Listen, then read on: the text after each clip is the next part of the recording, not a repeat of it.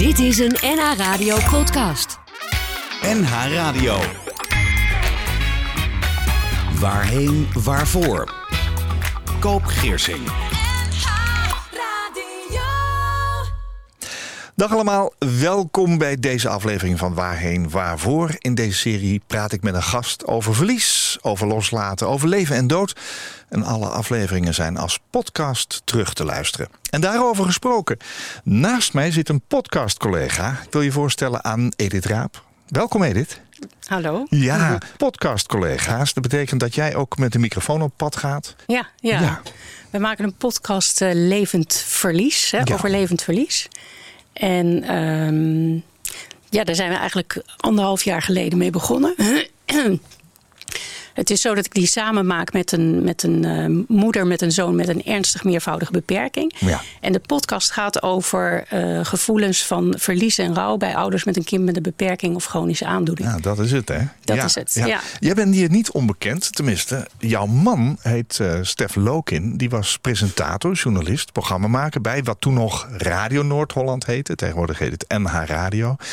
En die moeten we kennen van onder andere Opera Pietje en Intermezzo. Ja. Ehm, je hebt twee zonen van respectievelijk 23 en 20, begrijp ik uit de mailwisseling die we al uitgebreid hebben gehad. Je bent psycholoog en nu werkzaam als docent Dus dat is begeleiden van ouders aan de Hogeschool in Utrecht.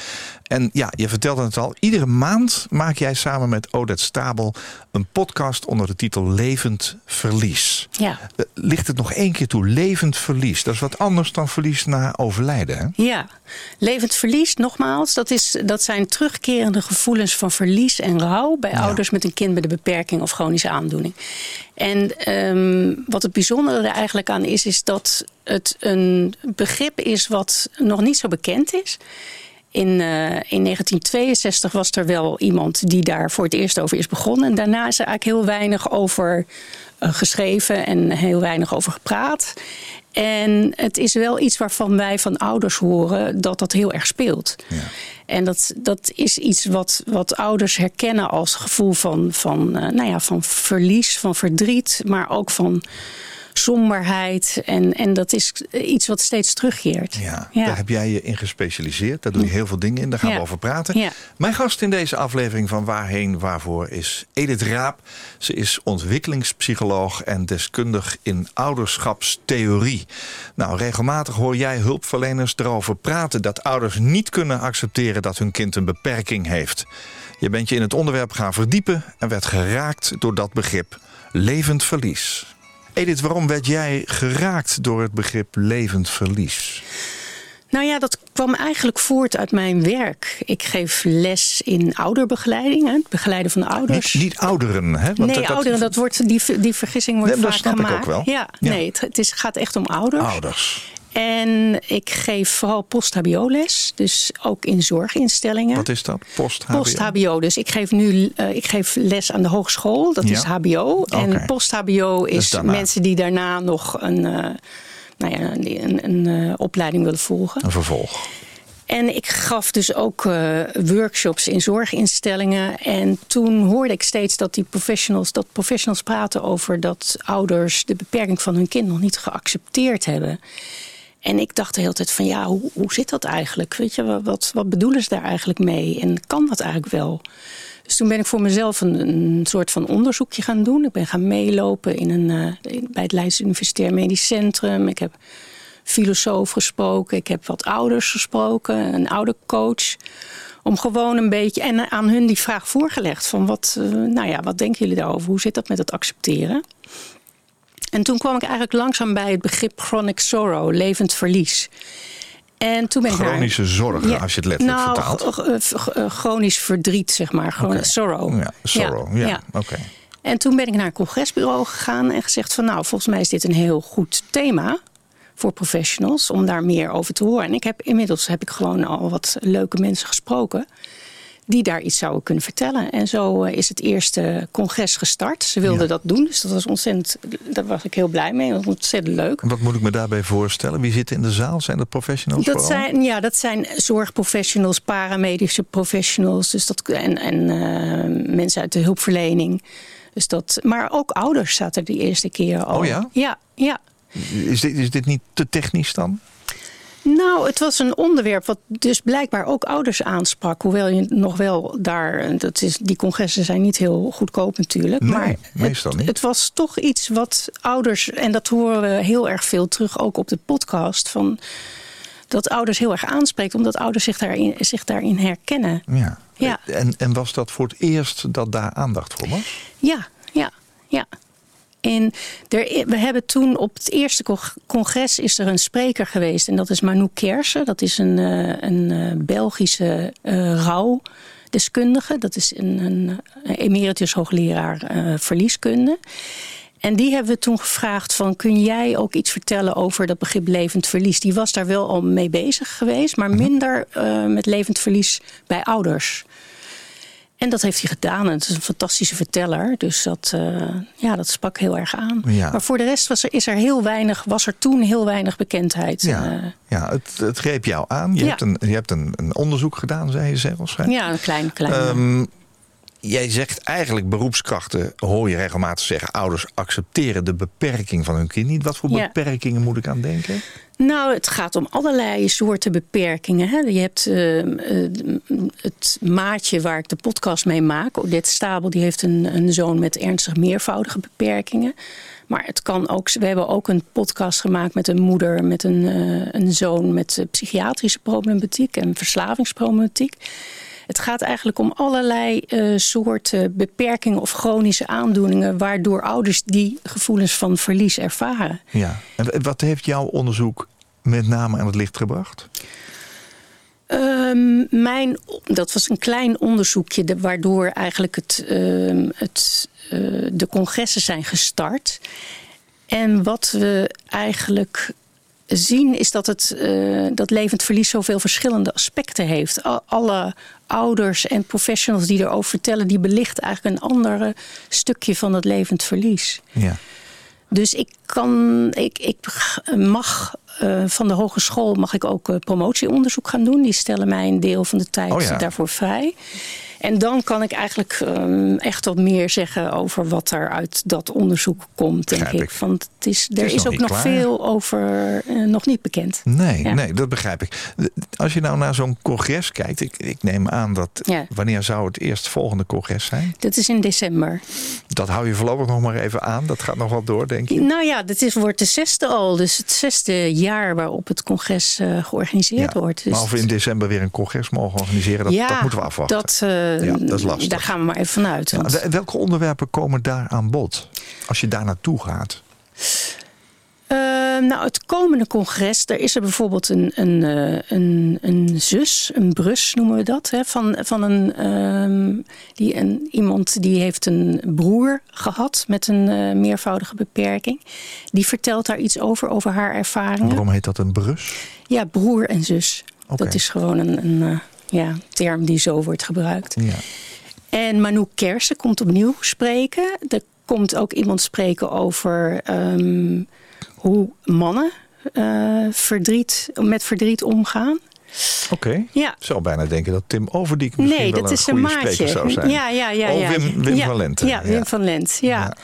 Dus dat, dat, er zijn professionals en ook ehm, ouders, of eh, nou ja, in dit geval ook een, een zus. Ja. Ja. Want mannen doen dat anders dan vrouwen bijvoorbeeld. Ja, ja, daar heeft. eh, eh, ja, daar, daar is ook een podcast over verschenen. Ja. Ja. Ja. Hoeveel heb je er al gemaakt inmiddels? Vijftien? Eh, 15. 15. Ja. Prachtig. We gaan straks over een van die podcasts hebben. Omdat ik mij, ja, die, die greep mij nogal aan. Die vond Ja. ik eh, heel erg mooi. Ja. Ik heb al even verteld. Je je hebt een relatie met eh, dit omroep eh, gebeuren hier. Mhm. hè, door jouw man, Stef. En dat heeft misschien wel een relatie met de drie liedjes die we straks gaan horen. En het eerste is een liedje wat heel erg in dat genre van opera Pietje past. ja. Want je hebt me laten weten dat je nogal gek bent van opera. Waar, waar komt dat vandaan? Ja. Via jouw man? Ja, dat is echt via mijn man. Ja. Die heeft me daar een beetje eh, ingetrokken. En opera Pietje, dat is echt een ander type. eh, dat is bel canto, maar de, de opera... Oh, leg het even uit voor de Nou, ja. niet-specialisten onder ons. Nou, dat, is een, eh, dat, dat moet je eigenlijk aan Stef vragen. Oh, Oké. Maar dit is een, een echt een. Monteverdi is echt een hele eh, wat oudere opera, een, een uh, barokopera. Of eigenlijk nog iets daarvoor. Ja. En daar komt het eerste stuk van. Ja, ik, toen ik je vroeg Ja. welke drie liedjes neem je mee bij je uitvaart, toen liet je me weten dat je het eigenlijk een lastige vraag vond. Ja, hè? ja. Waarom eigenlijk? Nou ja, bij mijn eigen uitvaart denk ik van ja, dat, dat, daar zou ik eigenlijk niet deze eh, voor kiezen. Maar Waarom ik wil, nou, omdat de eerste eh, aria, die, dat, is een, dat is een liefdesaria.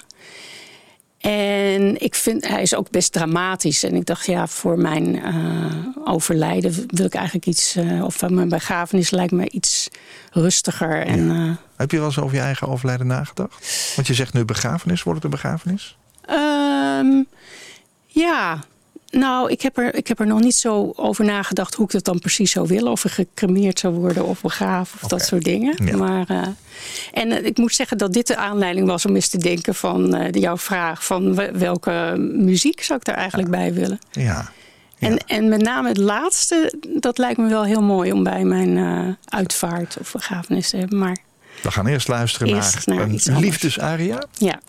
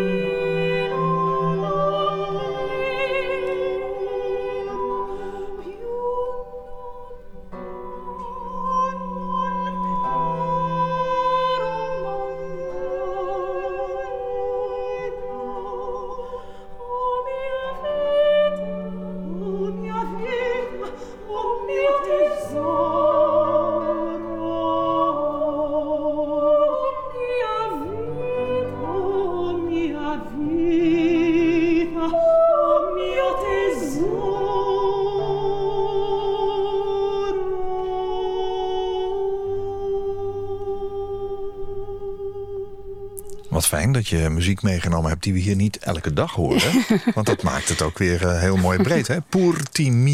Is een aria uit de opera De Kroning van Poppea. Claudio Monteverdi. En ik heb begrepen dat jouw man jou heeft ingevoerd in de wereld van de opera. Edith Raap zit tegenover me. Ze is eh, naast me, moet ik zeggen. Dat klinkt veel liever. En zo bedoel ik het ook. Eh, ze is ontwikkelingspsycholoog en ze maakt een podcastserie Levend Verlies. Dit was een van de eerste opera's die jullie ook samen zagen. Hè? Ja, Begrijp ik, Edith? ja, ja, ja. Waarom raakte dit jullie allebei? Nou, wat het wat een- zit daarin wat, Het je, wat ik zag je mooi mee bewegen? aria waarin de, die stemmen zo heel mooi Ja. tegen elkaar aanzingen. Het is Ja. een hele mooie opera. En we hebben hem op, ja, op belangrijke momenten in ons leven... hebben we die opnieuw weer... eh, Oh, nou maak je me nieuwsgierig. Welke belangrijke? nou, bijvoorbeeld, we- ik ben thuis bevallen van mijn, van mijn oudste zoon. En toen hebben we daarna hebben we ook de, deze aria beluisterd. Oh ja? Ja, ja. En het is, het is gewoon een prachtige aria. Ja, ik ben Ja. er helemaal... eh, Ik zag, je, ik zag je ook eh, meebewegen in, in, in de, de muziek. Dat, dat Ja. doet je echt wat. Hè? Ja. We hoorden Sylvia McNair en Dana Hanchurch. Straks nog een mooi stuk. En dan hebben we er nog eentje. Daar komen we allemaal straks Ja. op. ja. We gaan het hebben over eh, levend verlies. Ehm, probeer me te verplaatsen in de ouders van een kind met een beperking. Als je de beperking van je kind niet accepteert, wat gebeurt er dan met je? Nou, eigenlijk ben ik helemaal niet zo voor dat, dat praten over accepteren of niet. Mhm. Want dat is juist waar we met de podcast.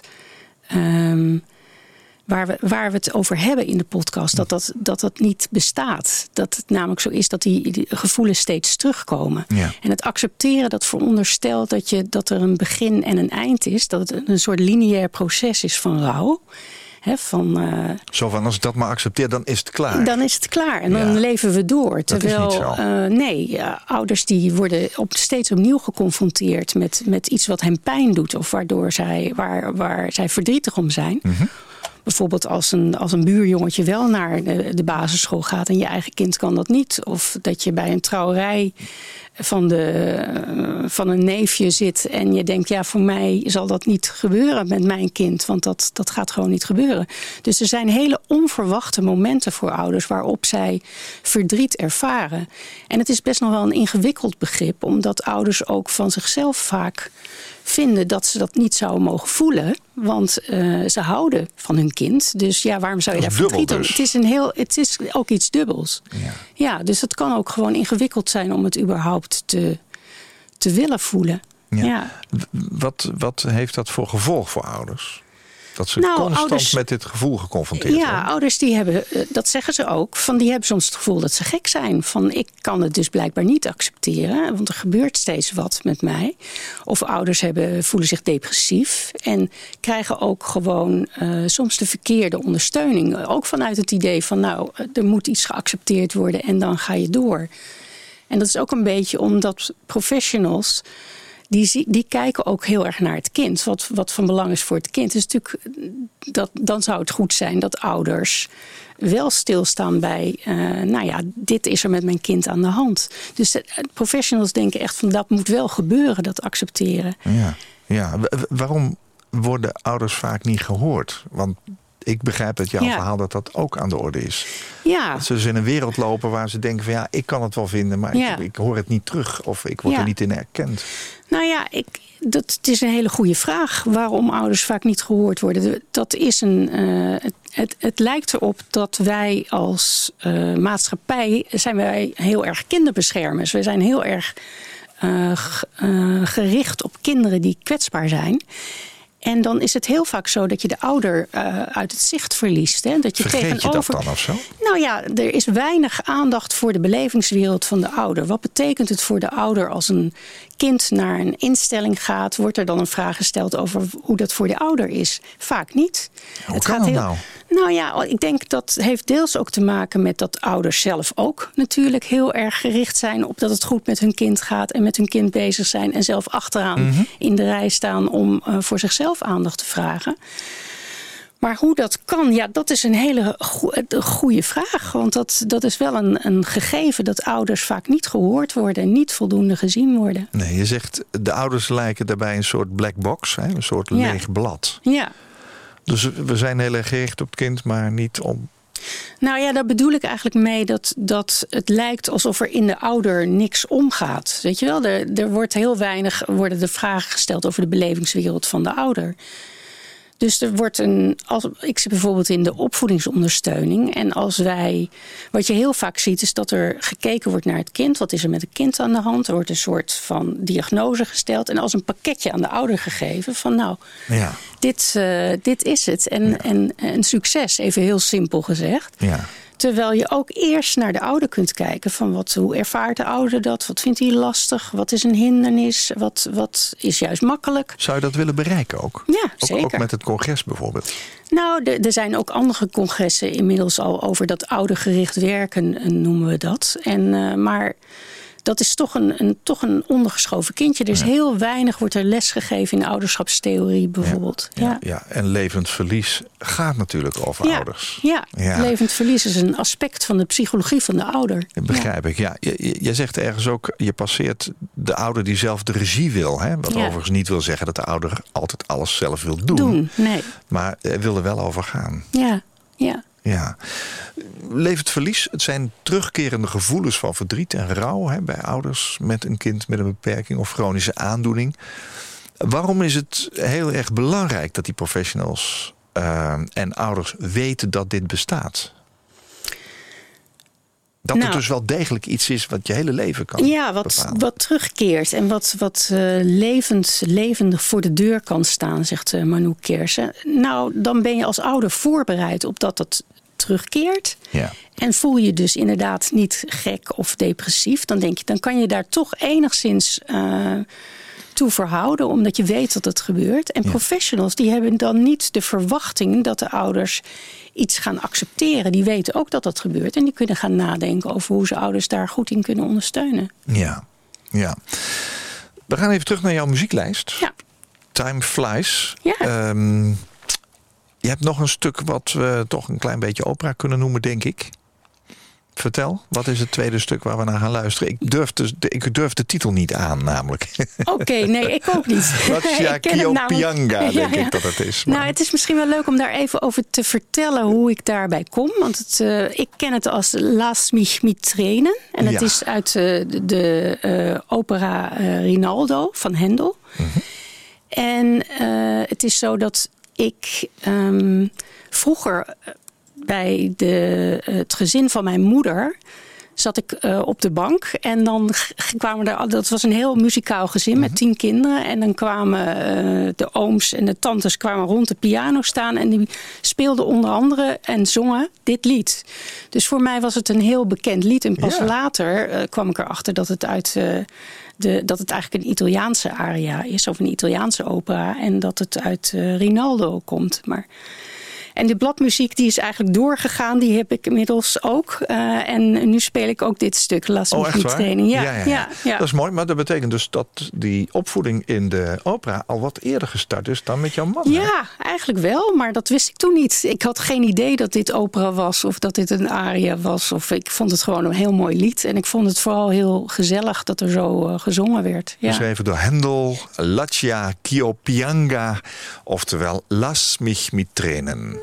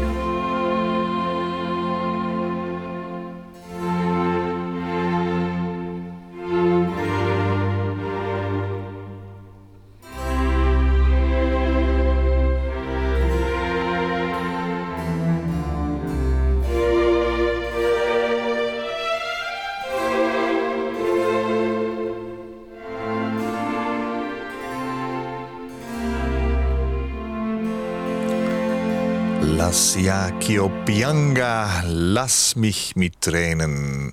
Ja, het werd geschreven door Georg Friedrich Händel en het werd uitgevoerd door Leslie Garrett. We moeten toch even, even uh, zeggen wie het was. Wie het was maakt voor jou niet zoveel uit, begrijp ik, Edith. Maar het ging om het tempo met name. Vind je heel mooi, ja, hè? Nou ja, ik, zo ken ik het een beetje. Ja, ja.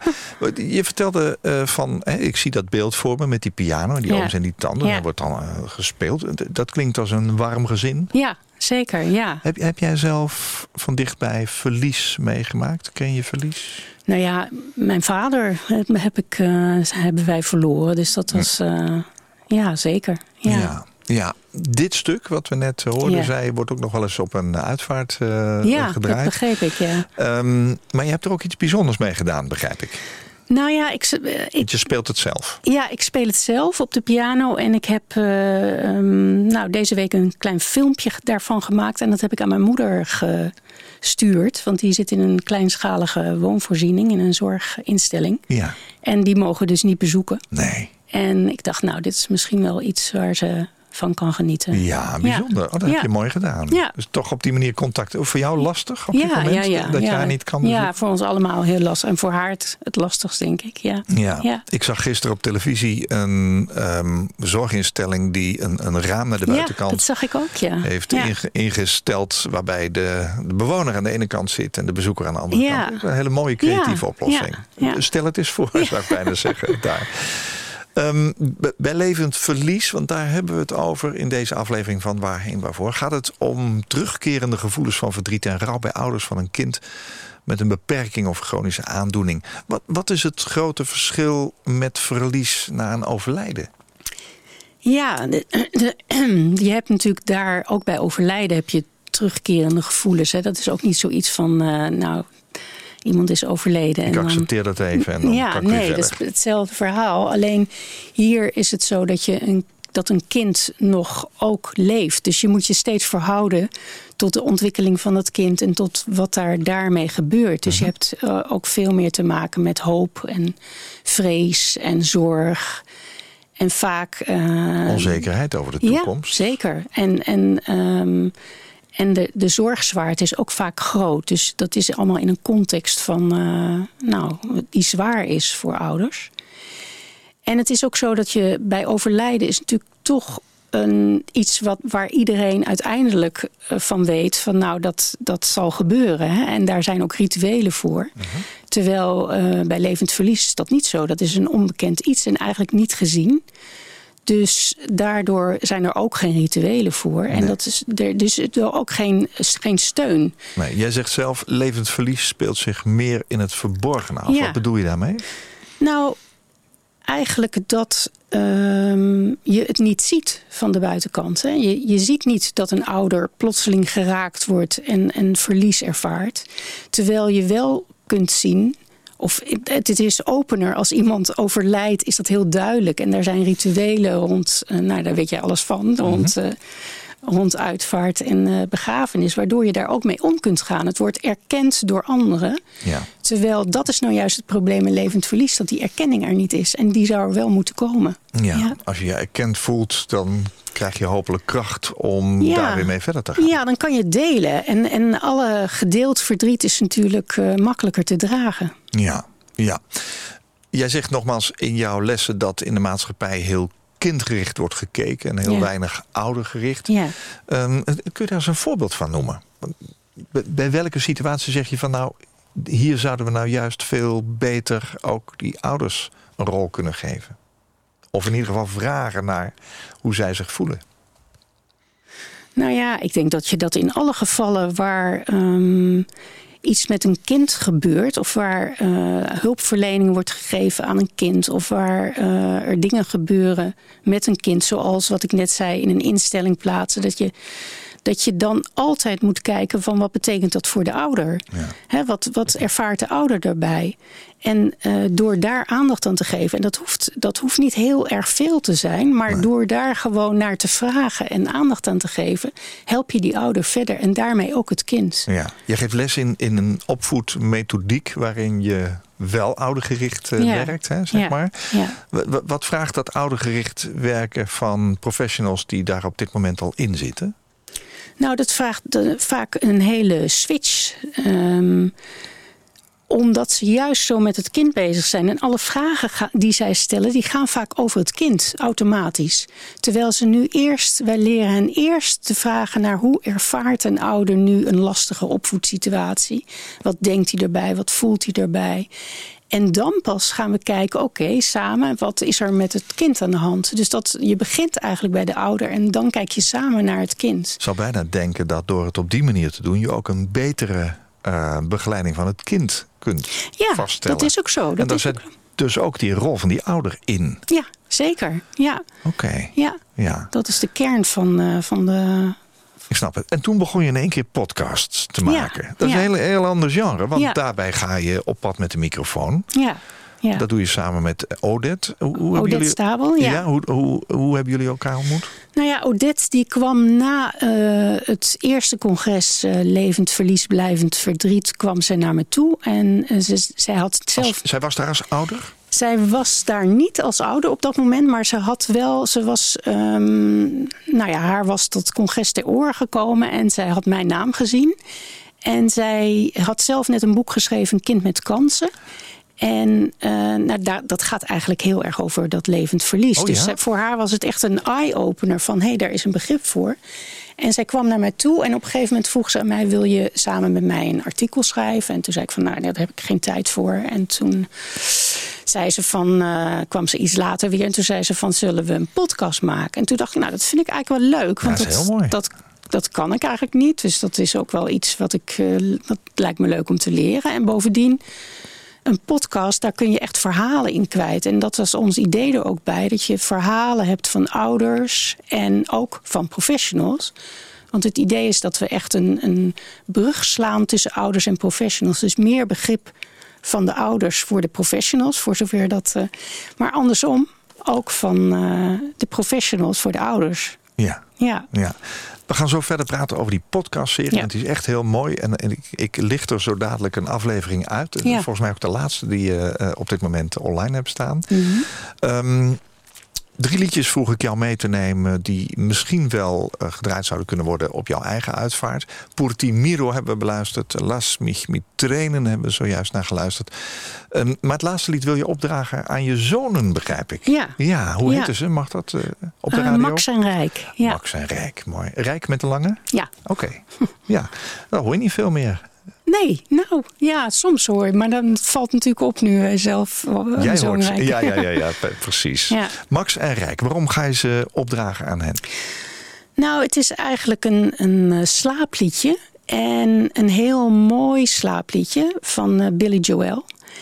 En ik vond het een mooi idee dat bij eh, mijn uitvaart... dat ik hen nog iets kan geven als een soort herinnering. En, eh, waar ze altijd aan kunnen denken. Ja, gezongen door Andrea Scholl.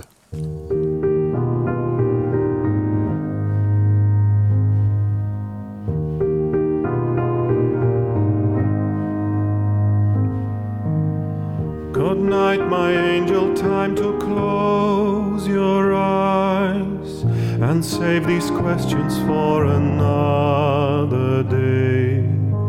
I think I know what you've been asking me. I think you know what I've been trying to say. I promised I would never leave you. And you should always know wherever where you are, I never will be far away. Good night, my angel, now it's time to sleep. And still so many things I want to say. Remember all the songs you sang for me when we went sailing on an bay. And like a boat out on the ocean, I'm rocking you to sleep. The water's dark and deep inside this ancient heart. You'll always be a part part of me.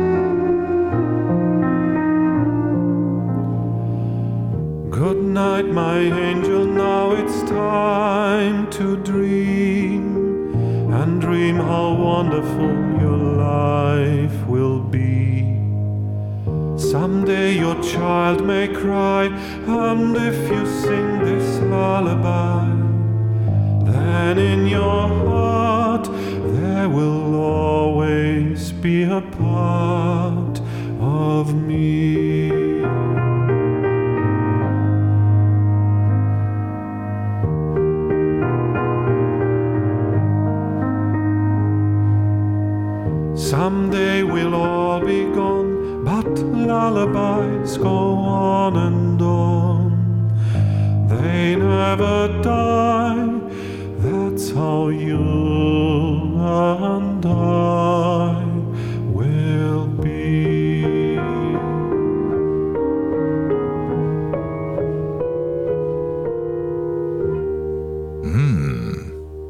Een wiegeliedje, Lullaby. Good Night, My Angel, André Scholl. En op de piano Tamar Halperin. Prachtig. Mooi, hè? Ja.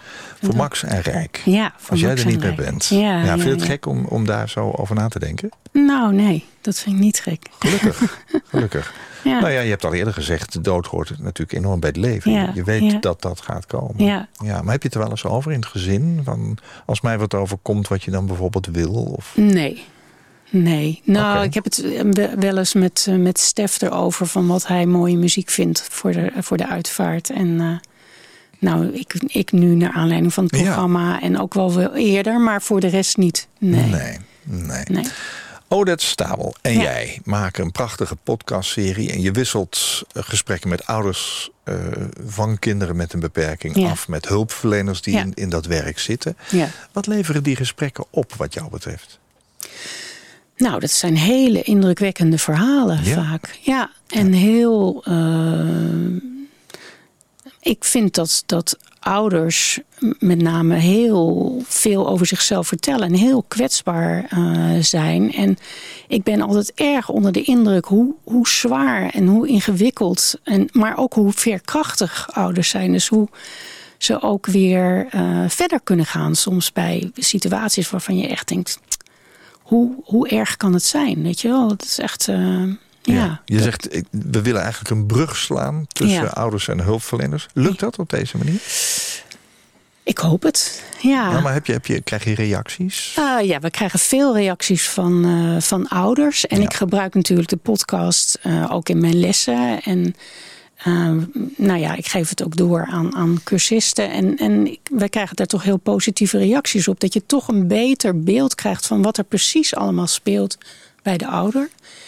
En andersom zijn de ouders ook gewoon ehm, geïnteresseerd in wat daar nog over gedacht wordt of wat daarover gezegd wordt en wat professionals daarin doen en wat hun van, overwegingen van, zijn. van de erkenning die ze toch Ja, zoeken voor ja, datgene wat ze voelen. Ja. dat snap ik wel. Waar kunnen mensen die podcastserie beluisteren? Eh, nou, dat kan via Spotify en Soundcloud op Levend Verlies. En we hebben ook een eigen website www.levend levend, ehm, verlies.nl. Ja. Dus een eh, verbindingsstreepje. Ja. En eh, ja, op die manier. Ja, ja. Heeft het professioneel voor jou iets opgeleverd dat je nu ook met daadwerkelijk steeds die gesprekken voert? Kom je dieper in de materie? Ja, dat vind ik wel, ja. ja. Dat, het is ook de aanleiding geweest waardoor ik dacht... nou, er is eigenlijk nog veel meer te onderzoeken. En vandaar dat, dat promotieonderzoek wat ik ga beginnen. Ja. Ja, want je hoort toch heel veel ehm, details... waardoor je denkt, oh, dat speelt ook. Weet je, dat zijn gewoon hele... Ja, ik, ik vind dat dat wel heel veel oplevert. Ja. Ja, we komen straks nog wel Ja. even op dat promotieonderzoek uit. Eh, Terug naar de afleveringen. Ja. Ik- dacht dat het de laatste was, maar jij zei net... eh, het is niet helemaal de allerlaatste Nee, aflevering. nee. Maakt ook niet zoveel uit. Wat Nee. ik zelf een hele indrukwekkende vond... is die over de 33-jarige hoogbegaafde zoon van Arthur Veen. Ja. Hij heeft een grote wiskundig inzicht, fotografisch geheugen, fijnzinnig taalgebruik. Maar zijn autisme maakt ook dat hij moeite heeft zijn dagen in te vullen en voor zichzelf te zorgen. Dat lukt Ja. ook niet binnen de woongroep, die mede door zijn ouders is opgericht. En zijn vader vertelt over de verschillende lagen levend verlies die hij zelf ervaren heeft. Afscheid van de toekomstdromen voor zijn zoon. Afscheid van het geluk, afscheid van hoop op een betere toekomst. En het onder ogen zien van zijn eigen machteloosheid daarbij. Ja. ja. Hoe, hoe kan iemand als Arthur Veen geholpen worden? Nou ja, ik denk dat Arthur zichzelf heel goed eh, helpt. Doordat hij op de juiste momenten, en dat hoor je ook in de podcast, of op de juiste momenten voor hem eh, hulp heeft gezocht. En hij wordt ook heel erg gesteund, denk ik, door zijn, eh, de mensen om hem heen. Ja. Dus dat is heel belangrijk. En ik denk, ehm het is iemand die heel erg reflecteert. Dus heel erg nadenkt hoe het in elkaar zit. En steeds weer stapjes maakt. Ik vond het zelf ook een hele indrukwekkende. Omdat, Ja. ik, heel, omdat ik hem heel eerlijk vond. En echt aan het afpellen van wat speelt er allemaal. En Hij weet het gewoon heel goed. ja, Eigenlijk. Ja, ja. Ja, dus dat, dat vond ik heel knap. Maar dat maakt dat je het weet, maakt niet dat je niet minder verdriet hebt natuurlijk. En niet minder ehm, daaronder lijdt. Maar Dat zal ook nooit weggaan, denk nee, ik. dat gaat niet weg. Nee, maar hij kan het toch eh, op een of andere manier kan hij daar mee omgaan. En eh, ja, dat zeggen eigenlijk alle ouders. Dat ze soms omvallen, maar ook natuurlijk wel weer opstaan. Soms met hulp. Maar eh, ja, ik, vind, ik vond het zelf ook een hele mooie aflevering. Absoluut, ja. Ja. Nou, je, je, je hebt zelf aangegeven dat je eigenlijk in je eigen leven geen persoonlijke ervaring hebt met het thema levend verlies. Waar, waar, waar sluit dit thema dan helemaal aan bij jou? Nou, het thema sluit met name aan op mijn werk. En het, het eh, deel waar ik al over vertelde, over dat ik denk dat er te weinig aandacht is voor de belevingswereld van de ouder. Ja.